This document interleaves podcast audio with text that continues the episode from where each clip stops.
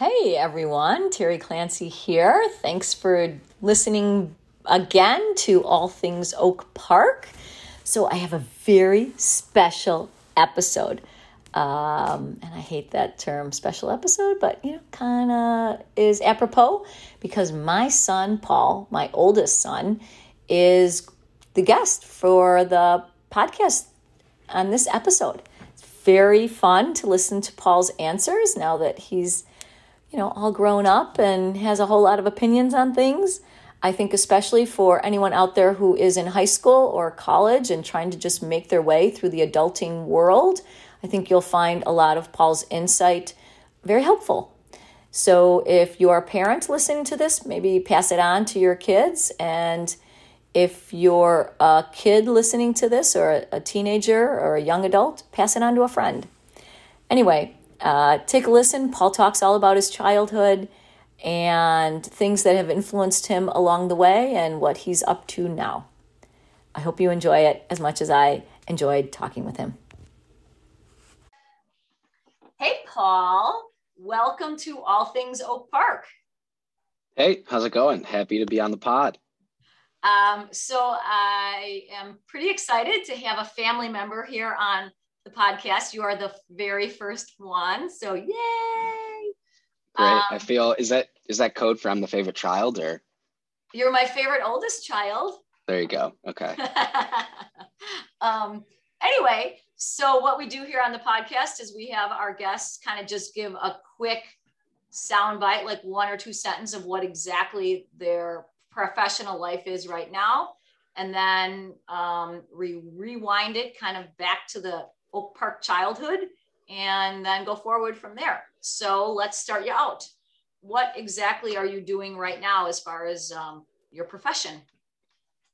Yep, perfect. I am an investment analyst, a senior investment analyst or credit analyst for CapEx Partners, which is a private debt fund in Chicago, which for anybody who's not in finance listening to the pod, I think the, the best way I can explain it is essentially we provide loans to companies that wouldn't traditionally go through a commercial bank.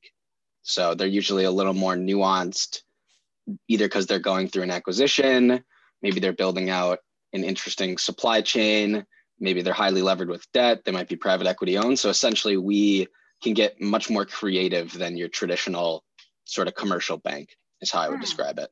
That's how the mafia used to describe their loans too but we, we, always called those juice loans. we are certainly we are certainly not the mafia. I, I do not want to be at all at all implicated with that. We are. No, I'm uh, just kidding. I I and you know, if if that seems like it's not appropriate, we can just gloss right over that. no, no uh, problem. Um, okay, so th- then we got that out of the way, and maybe we'll go back into that in a lot more detail. Um, but let's go wind back to the childhood. So, um, I guess tell us a little bit about, you know, your grade school, maybe even earlier than that, if you want to so talk about it, your experience, kind of one of, if you have one or two stories that are fun to know, but um, just let's start at the beginning of your childhood, growing up in Oak Park, and go from there. Perfect. So I grew up with two wonderful parents, one of which is interviewing me currently. So I grew up in Oak Park. My dad, Michael Clancy, your husband, and my mom, Terry Clancy, you, um, were great parents. I was the oldest, and then I had three young, younger siblings John, who's two years younger, Maureen, who's three years younger, and Luke, who fluctuates between being five and six years younger. So I was the oldest. I attended St. Giles Grammar School for I don't know, you would probably know better than me, but I would assume preschool through eighth grade. So, however long that is, a long time, I guess, would be my uh, description. Um, grew up in Oak Park, have been in the same house my whole life. The house looks a lot different now than it probably did when we first started. Kudos to you for your artistic mind and uh, the beautiful front porch that's now on our thank you cards. Yeah, 20 um, years in coming. Yeah, there you go. but yeah, I mean, I think I had a very happy childhood. It was very fun. I think for the most part, given siblings really close in age, I think athletics kind of underpinned most of my memories from when we were little, whether it was travel baseball, basketball, football for John and Luke, running, um, whatever it might be. I would say probably my favorite childhood memory, which is funny now because I don't run as much, was any St. Giles people listening will, I don't even know, do they still do Lions Leap? Yeah, but you know, because of COVID, they haven't really been able to do it. But yeah, I think they they still do um, a version of it. I don't know if they go round and round the block like you did, or okay. try to do something a little different than that. But yeah, I think it still exists. Yeah, so I think that was probably one of my favorite childhood memories, or just sort of a big. I don't know if it was a foundational memory, but essentially for anybody listening who might not be familiar, it was a fundraiser that St. Giles put on where I think you would have different grade school kids, essentially from each grade, run around the block as many times as they could in a certain span of time. And then whoever had the most laps at the end would win a prize. I think I think there was money involved, but I think it was a prize. Um, and so I can't remember what year I first did it, but whatever year that was, I just started running. And I remember I was always a pretty quick kid but I just remember being in the front of the pack. And then I remember people would drop off and I didn't feel tired. So I kept going. And then eventually I was by myself way in front and people were cheering for me and couldn't believe that I was still running. Um, so I think that, and then I got to the end and it turned out I had won. And then I think I had somewhat of a, a dominant spree. I think Patrick McGee might have beat me once or twice. Um, but I remember it was right around September, which was right around my birthday. And I always, always, always looked forward to that um, and I think it probably my uh, my high school running career wasn't as successful as my Lions Leap running career, but I think that was a that was an interesting story and and really fun uh, childhood memory. Along with that, I would say the second piece would be hanging out with the the Rombergs. I think almost every summer growing up, the Rombergs are a North Oak Park family. Who Charlie Romberg was my best friend growing up, and then they had siblings pretty close in age to us but I just remember every summer we'd go to St. Giles for the summer activities. And then this is back before people had cell phones, which, wow, I feel like I'm dating myself there. But I remember always going to the Rombergs afterwards and playing in their sport court. And then eventually you or the babysitter would call and kind of phone tag or phone tree around to figure out where all the kids went. So I'd say those were probably two of my distinct memories was Lions Leap and then summers at the Rombergs. So did you like the fact that you were at the Rombergs at the sport court, or did you like the fact that your mom had a phone around to find you? I don't know. I think anonymity. I think I uh, I think that was probably the the selfishness of the oldest child, where I didn't even I w- I wasn't as concerned with whether my mother was freaking out of where I was. I just knew I wanted to be at the Rombergs, so I went to the Rombergs. Oh, okay. Yeah, yeah. The Rombergs was quite the um, meeting spot um, so that's super fun. And so those were your grammar school memories. Do you remember what you wanted to be when you grew up or did you haven't like did you think about that when you were younger you know younger than nine or you know did you think about that back then in early grade school or not really yeah i think when i was in grade school I really enjoyed, maybe that was just because I was the oldest, but I probably wasn't a very good teacher back then and probably still am not a great teacher. Um, but I always remember I liked teaching or mentoring or kind of, I always liked doing, I don't think we really did service when we were that young, but I always liked kind of giving back and feeling like, feeling to the extent that I was helping someone become a better version of themselves. I wouldn't have been able to say it in those words when I was little, but I think that was sort of something that always drew me. And I always thought the priests, I didn't always understand what they were doing, but I, I thought that for the most part, at least at St. Giles, I could tell they're providing value to whoever their congregation was, or if you were doing repentance. And I remember, I think it was in sixth grade, someone in my class said, Oh, you're going to become a priest one day. And that was ridiculous to me because I, I always liked girls and I, I knew that priests couldn't have wives. And I said, I can't do that. Like I want to have a, a wife or a girlfriend when I grow up. Um, but I think that stuck with me in the sense that I, I certainly the priesthood didn't call me in the same way that maybe it called uh, Mr. Carew. But I think generally, I always knew I wanted to be a teacher or some sort of mentor, and I didn't know if that was in the teaching profession or outside of that. But I think if I was to sum it up, I I think a passion to teach others was always somewhat ingrained in me. And so, you know, as you went through, were you in leadership positions in grade school or any mentoring positions in grade school that let you, you know, kind of play out that desire of wanting to be um, a teacher, teacher esque? I would say, I wouldn't say I was a good teacher, so I'll caveat it with this, but I think in the sports that I played, I was pretty athletic growing up, and I think I like to wield the power. Not power is the wrong word, but I wanted to have sort of control or be able to tell people where to go, which I think isn't really the goal of a teacher. Um, but I think in my version when I was younger, that was kind of what I saw. So I think in the sports that I played, I uh, I got to use that a little bit, but I don't think I was certainly very good at it. I think I was a little brash, and I know I upset some kids in grade school, whether it was basketball or soccer. But I think sort of a derivative of teaching was me trying to be a leader on whatever sports team I was on growing up. Well, and I guess it would just make sense. The oldest in the family probably is just very comfortable telling people what to do. Yes, you know, yes might even be the most comfortable you know role that you would play rather than the receiving end of being told what to do. Agreed. And i think i have now tried to become more of a receiver than the person directing people around. I certainly am still not very good at and this is a relatively new concept to me. Um, so certainly working at it but I, I would agree. I think i like to tell people what to do. I think that's great in some extent. I think it's a little too praised in our society. I think really you see kind of the best leaders in business or whatever profession it might be are good leaders because they're really great listeners.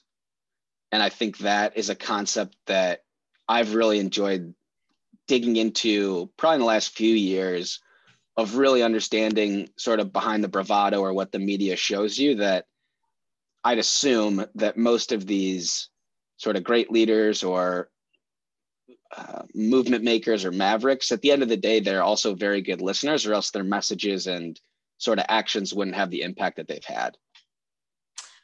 Okay so let's yeah i agree with that yeah. Um, i you know i think being a good listener is probably almost more important than being a good speaker you know. Um, so let's move on to high school. So you went to oak park river forest high school and was there any disappointment that you really didn't have a choice since we didn't give you a choice to go to any other school? was that ever an idea? I mean, maybe you knew it all along, so it, you know, you didn't even think about making a d- different decision because it never was an option for you.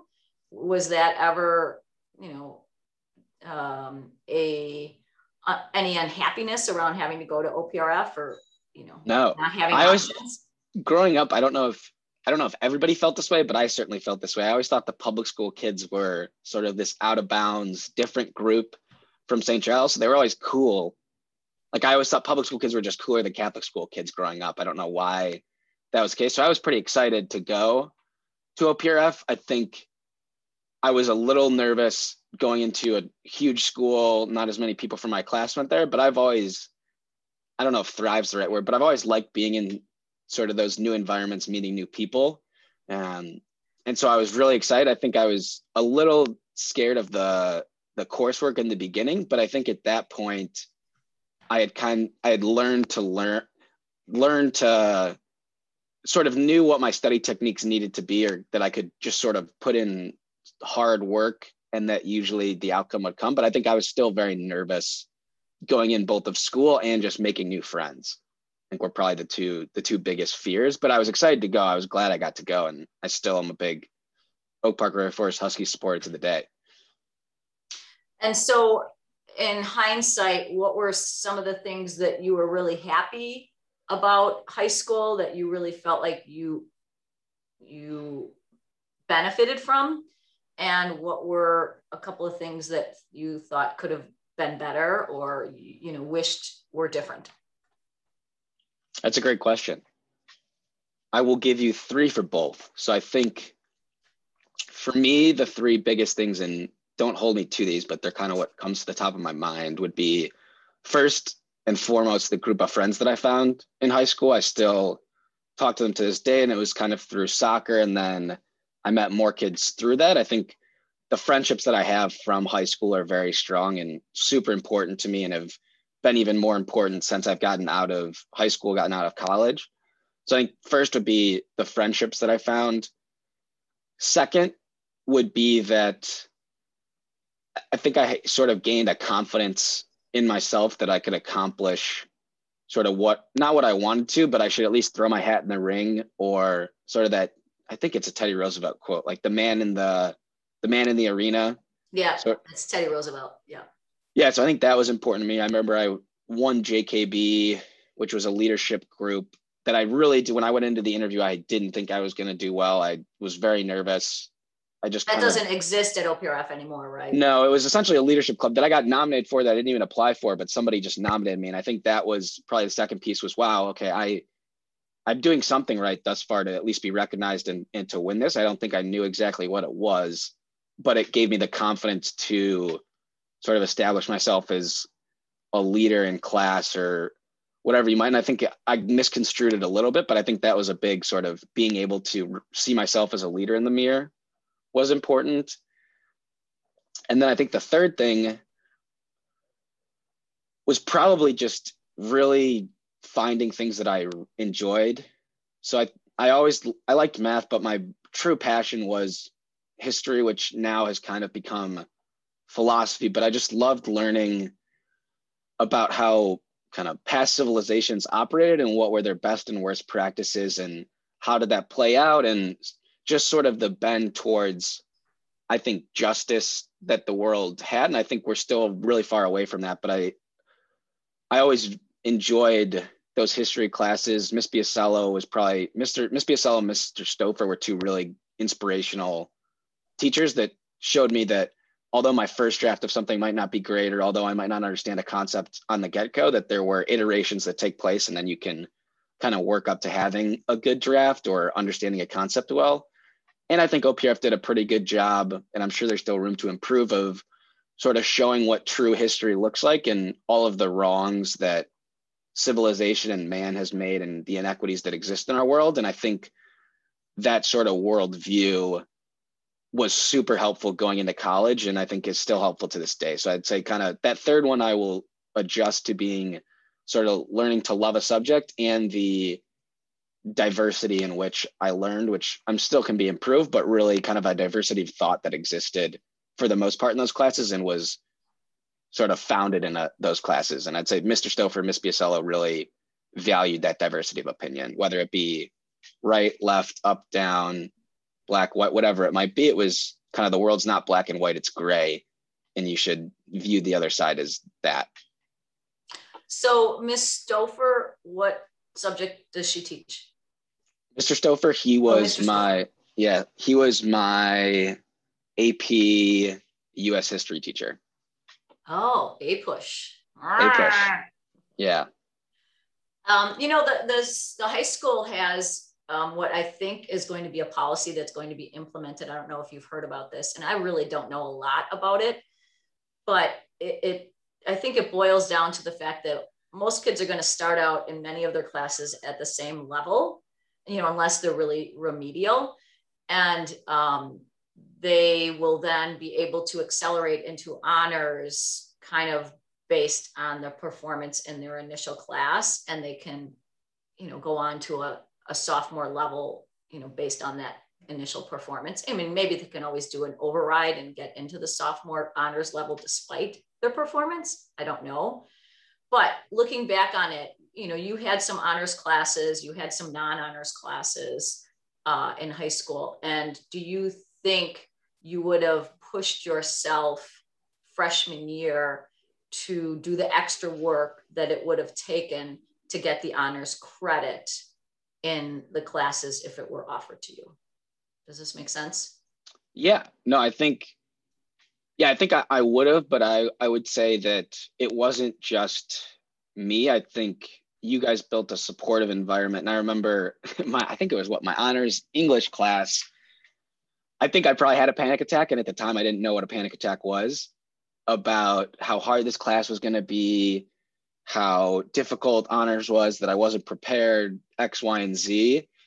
I think it was funny because nothing had happened up to that point. I think I was a week in and I just got really overwhelmed. But I remember you talked me down and we worked through the whatever the project was and I ended up doing well and I got an A in the class and it was I think it wasn't so much getting an A in the class. I think I attributed it to the A, but it was the fact that I started out in such a mentally sporadic place and then was super confident by the end of that class. So I think to your question, I think yes, I would have, but I think I also had a framework in place that was sort of the environment which I grew up, which was you and dad sort of not taking not taking no for an answer, but saying, okay, how can we we have a problem, how can we find a solution? Or what can we do to kind of get get past that fear, get past that inability to understand a subject? So I would say yes, I think I would have, but I had an environment that was conducive to being able to do that if that makes sense. Mm-hmm. Yeah, that does make sense. So that without the supportive environment, you went just fell back into kind of a get by attitude or you know or you wouldn't have put, put in the extra effort that it took yeah i mean i think it's it can be attributed to i'm trying to think if let's say you're an athlete and you have an unbelievable coach who provides feedback that's reasonable but also shows you that hey while you might not be able to do this or this team isn't winning right now, that that's not a static thing. We're not always going to lose games. That can be changed. In the same way, I think learning, if you just think I'm always a non-honor student or I'm always a B student, and nobody challenges that thinking, I think it can be kind of a self-fulfilling prophecy. And it's sort of that growth mindset, Carol S. Dweck idea where whether it's a coach, whether it's a teacher, whether it's a mentor, whether it's a friend, whether it's a parent, I think cultivating that idea that sort of whatever you are right now is not your final form, nor will it ever be, but that you can, let's say you want to be an A student, you can mold yourself into that. And I think an interesting thought experiment for anybody listening would be, and I've tried to do this in my own job, what whatever you might want to be, whether it's a great athlete, whether it's to be able to be a great lifter, a great parent, a, a great X, Y, and Z.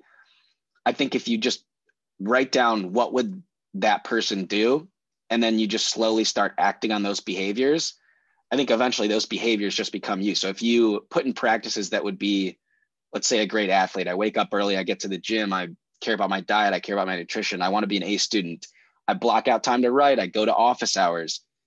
I think before i just thought that was hard work but it was really me just putting in systems in place that would allow me to become that and i don't think that is unique to me or unique to any human I think you just have to have the framework in place to do that. And I think a good place to start is looking at somebody who's older than you, better than you, stronger than you, and saying, okay, what would they do?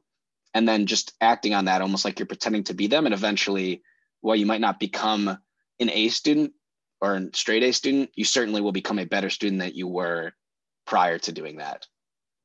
Right. Um, you know, I think that thinking you are the person that you want to be is you know very um, talked about now. And i you know maybe it always has been but i think a lot of coaches business or personal will say that you know in order to really see the road ahead of you you kind of have to believe you are that person already and then act like that person. I think that's what you're talking about. So you're not just a person who runs you're a runner or you're not just a person who plays basketball you're a, a basketball player. No, that's that one. Yeah. No, I mean, I think there's, and I think there's a lot of, I think as you're seeing sort of more research being done in the neurology space and really understanding the brain and how, in the same way that people just didn't understand the body previously. So, right, diet wasn't as important. And now I think people are starting to realize that. I think in 10 or 15 years, there will be so much more research about the brain and about how malleable it is and what practices and systems create that, that I think you'll see a renaissance in sort of a change of thought rather than static, but really kind of dynamic. Um, and I think I don't think that's anything new. I mean, I'm a big fan of Stoicism, uh, which is sort of a philosophy made popular by Romans, um, like Marcus Aurelius Seneca. But I think in there, I was just reading the passage today, and he sort of in in few words talks about that everybody, in order to be a human, you have to go through trials and tribulations. You're going to fail. And I think the man in the ring is kind of similar to that, where it's you are not unique. And you can view that as um, bad or good. But the way I view it is some human before me did X, Y, and Z. Why can't I do it? And yeah, sort of go like with that, that mentality. Okay, I want to shift gears a little bit. Okay. So you previously talked about like being influenced by some um, priests or other people who were um, um, charit- charitable or, or just uh, service oriented, service oriented. So I know that you were very involved in the kind of the mission trip group ASP out of St. Giles, but it's you know a national group called the um, Appalachia Service Project. So I kind of want to know how you think that participation in that service or you know maybe other service that you did impacted you at the time? And looking back on it do you think it is still impacting you or impacts what you do now? Yeah so i could talk for anyone listening highly recommend asp uh, i would say i'm as big of an asp supporter as i am a u of i supporter uh, if that can kind of put it into perspective. I think in few words, yes, would be the answer. For me, I, I think it boils down to three things.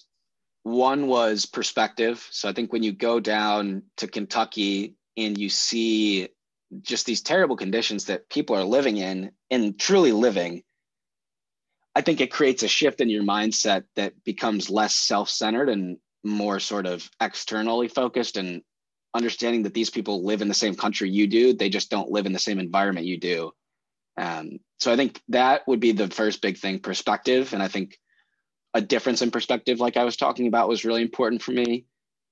I think the second piece was the work in itself in that truly the happiest i probably felt in high school or the most fulfilled i guess. Happy i think is a relative term. So most fulfilled i ever felt was going on that trip and coming back from that trip and it was what I looked forward to all summer.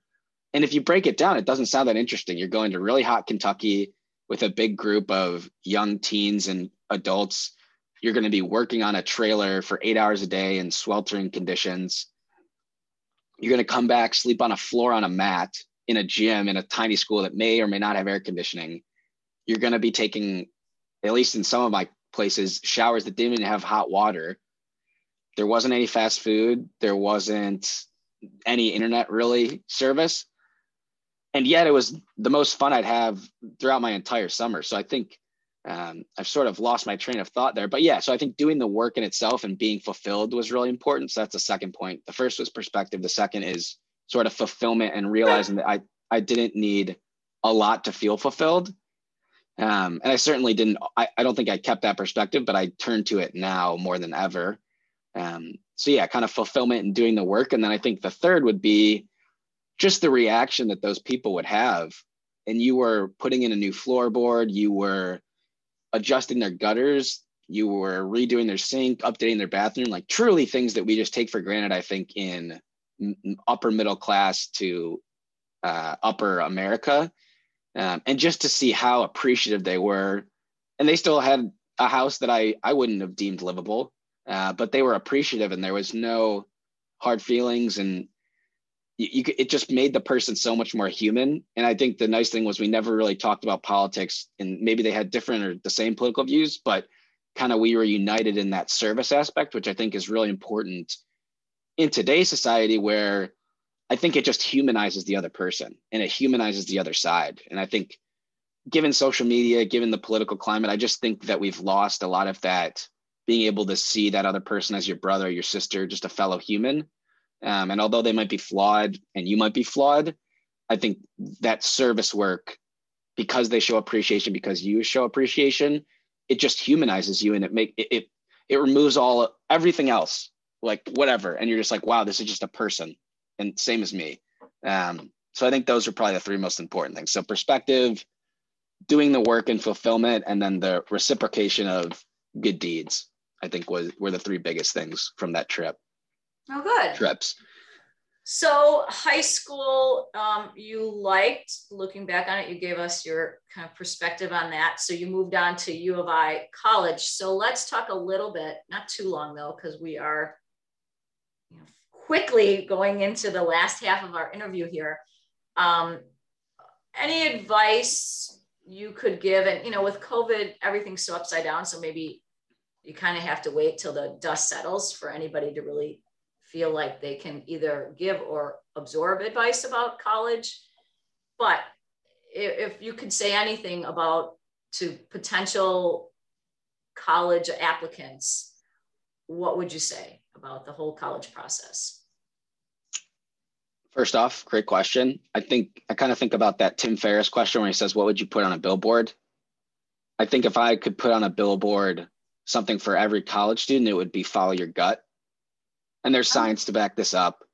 But I think in anything I look at, whether it was my major, whether it was the clubs I joined, whether it was the friends in my fraternity, whether it was the positions I ran for, whether it was what I did, I, I just, they felt right. And I didn't always make those decisions, but the ones that have lasted, the friendships that have lasted, my roommates now, those were the people that I intuitively trusted and really liked. And the, the sort of stuff that I still like, whether that be finance or philosophy, it felt right then and it still feels right now. And it doesn't feel like I faked it. And the positions I ran for, I really felt passionate about then and I still feel passionate about now. And the service I did in college that, yes, you certainly could go and have fun for a spring break. And believe me, I had a ton of fun at U of I, but I knew that that Habitat for Humanity, for whatever reason, just in my gut, I knew I wanted to do it. And I did it and some of my best friendships in my fraternity were because of that and so i think that would be my biggest advice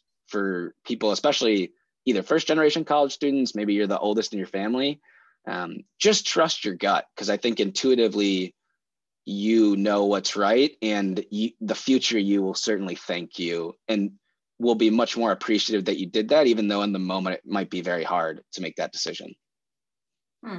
So then how was your college experience? I mean, did it did you feel prepared one, did you feel prepared coming out of OPRF for college academics? And two, um, you know, would be, you know, kind of similar, maybe not as many three and three, but like what's one thing you're so glad you participated in college that maybe somebody else would be on the fence about that you would encourage them to do? And what's something you would um, caution them to avoid? Yeah, I think that's a really good question. So overall, I'm a huge U of I fan. Anybody listening to this who's thinking about going to U of I, call me and I will convince you why it's such a great school. And if you don't decide to go, that's okay. You can still be a fan of U of I. Um, so yeah, that's my PSA for U of I. Best school in the Big Ten, best school in America. Um, but now that I'm off my soapbox for U of I, I think the I'll start with the negative first, and then I'll move to the positive. I, I think that it becomes very easy in a fraternity setting and just in a college setting. And I think it's okay to explore your drinking habits and whatever you want to explore in college. I think you should have the freedom to do that.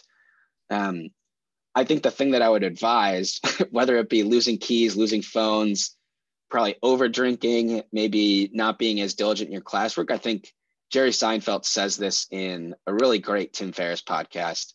And I advise all college students to do this whether it's drinking, whatever it might be, put a system in place that is repeatable.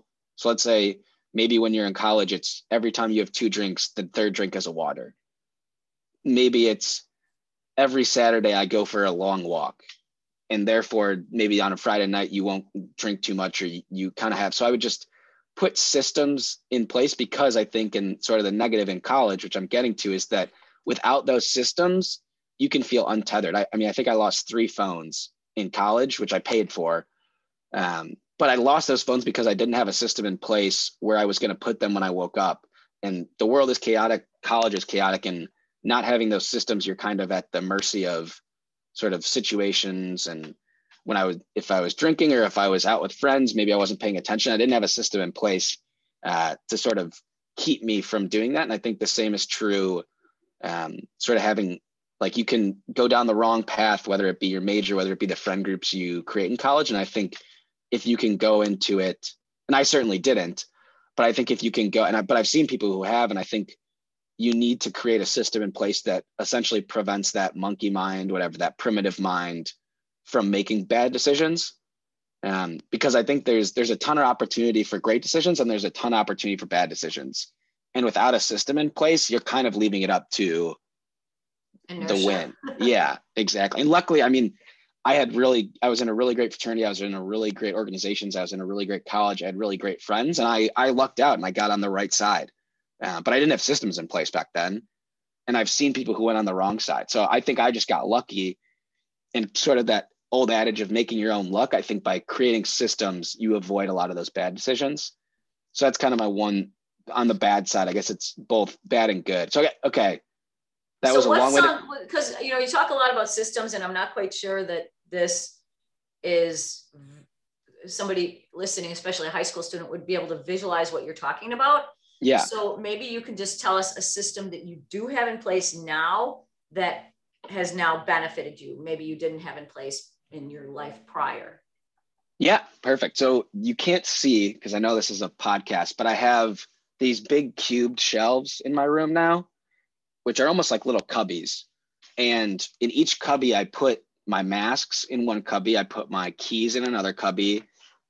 I put my chargers and my laptop. So having those cubbies, and I always put my keys in there when I come home, whether or not it's the morning, it's the night, it's the evening. I always have a place where I know that goes. And then when I need to go grab my keys or my phone or whatever it might be, I always know where it is intuitively. Um, so I think one thing you could do is, let's say it's a new college student in your dorm. I think you can buy these things on Amazon, just like black cubes but you could just say, okay, this is going to be where I put my keys. This is where I'm going to put my flip flops, whatever things you want to organize. Just have those there, and it just makes your life so much easier. You won't lose your keys to your dorm. You won't lose your masks in a COVID environment. Um, and just that would be a very simple example. And then I think on the the drinking side, because not everybody drinks in college, but I think the majority do. I think putting a system in place that says, okay, at 12 o'clock you have an alarm. I think most kids probably have a smartwatch and at 12 o'clock is when you go home. So that could be a system where after every two drinks you get a water. And the more you do those the easier it becomes. So those are kind of the applications of that system. And i think to wrap this up and i'm sure you can edit this out i guess my opinion on good and bad of college i think is because there's so much opportunity i think if you can kind of find that middle path that system that works for you to allow good decisions and to minimize bad decisions. I think that's sort of a good way to deal with both. So I sort of it's sort of a non-answer, I guess, but that would be my advice. Okay, no, that's a good answer. And I don't know if you know Mrs. Fletter, Heather Fletter. She has that rule about midnight. Like nothing good happens anywhere you are after midnight, which is why she always leaves by then. Yeah, that's great. Probably, they... yeah, probably served her well, especially morning after, right? Yeah, I mean, I think um, nobody nobody ever wakes up the next morning and says, "I wish I would have drank more. I wish I would have eaten more. I wish I, you know." It's always it's usually a problem of overindulgence versus underindulgence. Right, I agree with that as well. Um, okay, so post college, you graduated in four years, so that was kudos to you. Um, and you know the money would have run out anyway, so you had to figure out a way to make that work.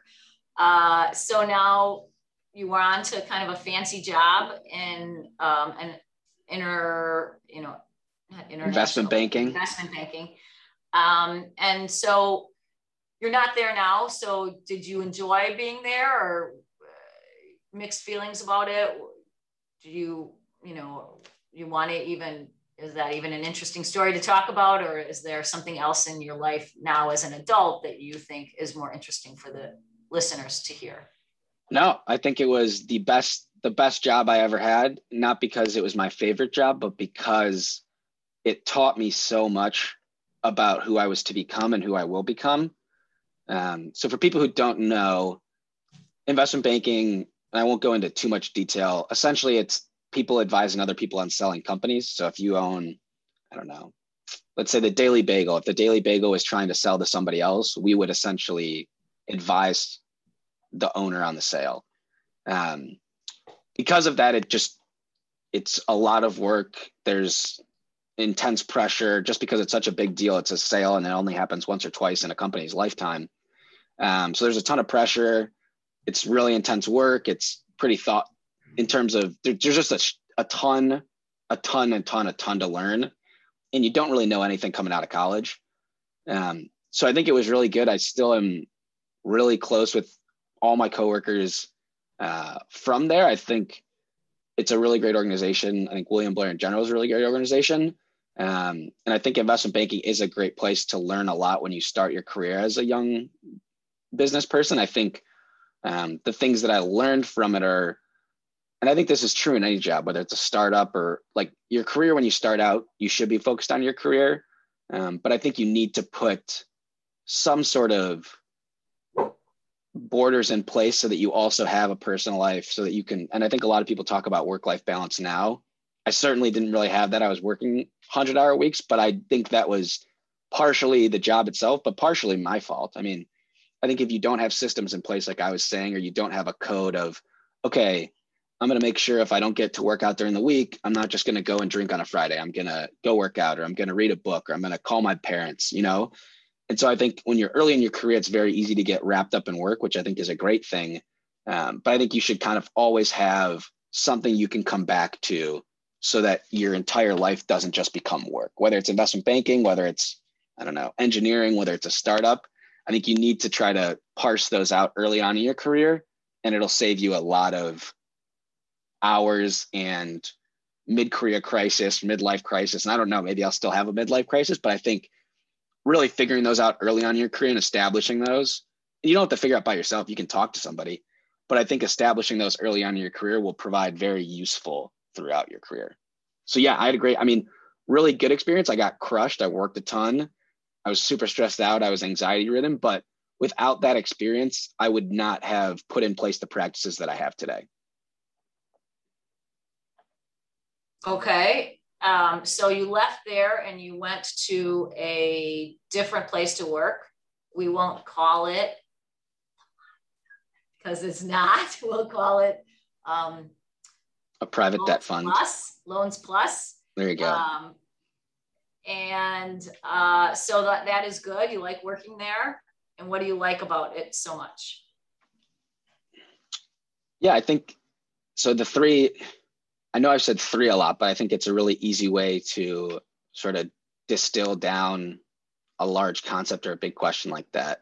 So I think the the three things I like are one, the work is extremely interesting to me. I love looking at the guts of a company and understanding how it runs, why it runs, what the management team does to make it run well or poorly, and sort of in our role, how do we capitalize the business or how do we provide creative funding that allows the business to grow.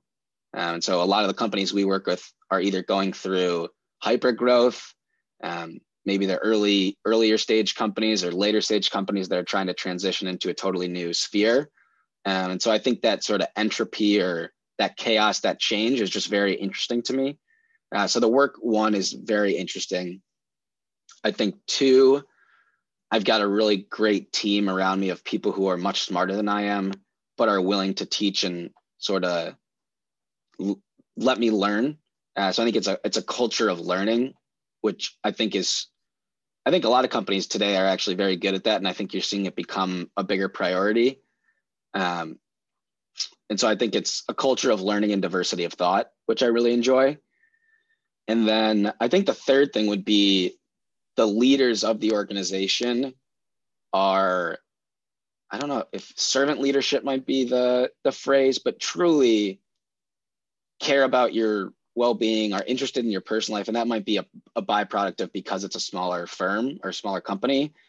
But you're getting to know your coworkers on an intimate level, and it makes the work so much better when you can say, "Hey, I'm going out to dinner with my girlfriend or my friends. I'll have this to you this evening," and for them to be comfortable with that or sort of be able to express hey, here's what I think about this deal, and to either get feedback and say, hey, here what I. It's just a a sort of ability where these the leaders of the organization are open to change and open to growth and are just really dynamic individuals uh, which makes it so much easier to work right i mean that's just it's more exciting to work for people you look up to and aspire to be and really enjoy versus somebody you don't um, yeah and i think also when a leader is open to growth and you know both compliment and criticism without feeling like that's going to impact your future you know or your destiny. You know you can say something to them that you might not like but you think is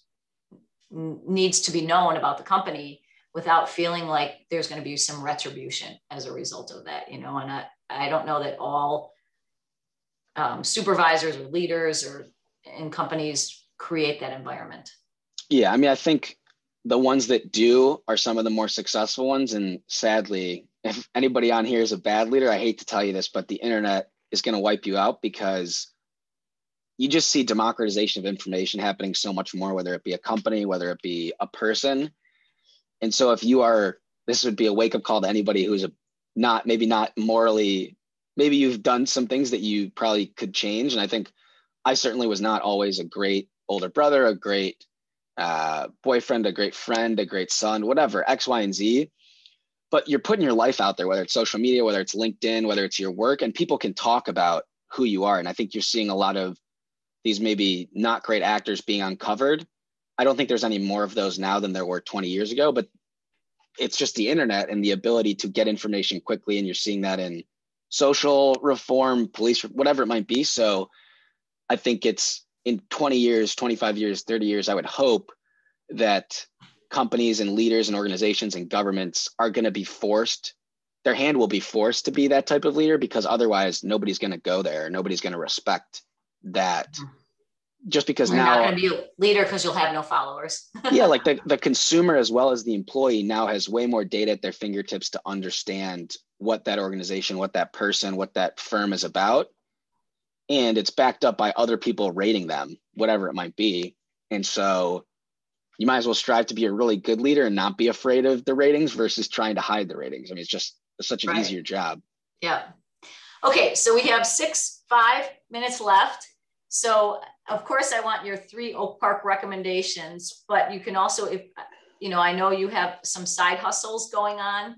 And so if you want to spend a couple of minutes talking about that, fine. Um, and then go into your Oak Park recommendations, or you want to leave that for another call to come back and talk about that, that's fine too, or just give a quick one line answer. So I'll, no, leave these I mean, last five minutes for you. Wow. I'm on the horn. Okay. So I will start with what I'm working on outside of my job. Uh, I haven't launched it yet, but I think one thing for me that's always been important is writing. Um, and I did that in college because I had a philosophy minor and a finance major. Um, but I won't be launching this anytime soon. But I'm sort of kind of creating. I don't know if a blog is the right word, but just sort of essentially, if I if I can write to my younger self, that's sort of what I'm doing in terms of advice, best practices, interesting things, interesting people, interesting podcasts, just information that I love and has really benefited me. I'm essentially creating a website to put that in a forum to post that, whether anybody looks at it or not. It doesn't matter to me, but it just sort of, I'm creating a website that I wish I would have had when I was 24 or 23 or 22 or 21, whatever. Uh, so that would be my side project. That won't be launched for at least until 2022, but stay stay tuned. Um, I will quickly plug the Daily Stoic, which is a great newsletter um, written by Ryan Holiday, who's a really good author who essentially takes sort of old ancient wisdom, which is Stoicism, whether that's Seneca, Marcus Aurelius, Epictetus, and distills it down into very applicable daily life, especially in the chaotic environment in which we live today. I think you need those principles. And I think most other people in the history of humanity have lived through chaotic times as well. I mean, I think Marcus Aurelius, who's one of the most famous Stoics, he was the emperor of Rome during a plague, which is apropos for today. So that would be my one plug would be the Daily Stoic newsletter. It's really interesting and very helpful to start your day. And then my three things in Oak Park. So can I one will be not technically in Oak Park, but it's it's necessary. All right, fine. So it's Alpine oh. and Johnnie's. So Alpine and Johnnie's are I think technically in Berwyn, but they're right on the border of Oak Park and River Forest. No, they're not so, Berwyn. They're in Elmwood Park. Elmwood Park. So if anybody needs a good place to eat, Alpine and Johnnie's are delicious. You have to check those out. So that would be my first one. The second one would be the Oak Park Public Library. Good They've place. done a yeah, it's just a really calm, relaxing, beautiful building. And I've done homework there in high school. I've written papers there in college. It's just a really great place to read, to write, just to kind of be with yourself or whatever you're working on. It's a very creative space, I think. So that would be my second one. So first is Johnnie's and Alpine. Second is the Oak Park Public Library. And then the third, and I don't think I appreciated this then, but I do appreciate it now, I think is just the architecture that is th- throughout Oak Park, whether it's the Frank Lloyd Wright rocks. Um, I just think you should take advantage of that because I never understood why all of these tourists would come in the summers and Oak Park would be packed with tourists. Now I get it because I think the architecture in Oak Park is pretty impressive. And I think to to not pay homage to those incredible architects would be to do kind of a, a poor job of really understanding Oak Park without understanding its history and sort of the architectural history of it. So those are my three. I'm sure there are many more, but those are my three. Well, I love it. Well, Paul, I hate to say bid adieu, but adieu. Maybe I'll see you Mother's Day. Uh, I will. I will be home for Mother's Day, so yes. but thank you so much for participating in this interview. I think our readers will have learned a lot and hopefully be able to walk away and apply some of your suggestions and advice. Um, so until you know, maybe we'll have you on the podcast again in a year and talk about your little side project. Yeah, awesome. Well, I uh, thanks for having me. Thanks for being my mom.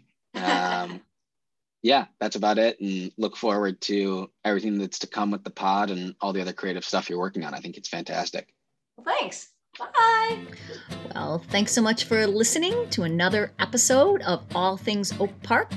And if you want to get in touch with me, hop on over to my website, Teresa Clancy Law, and you can find all my contact information over there. See ya.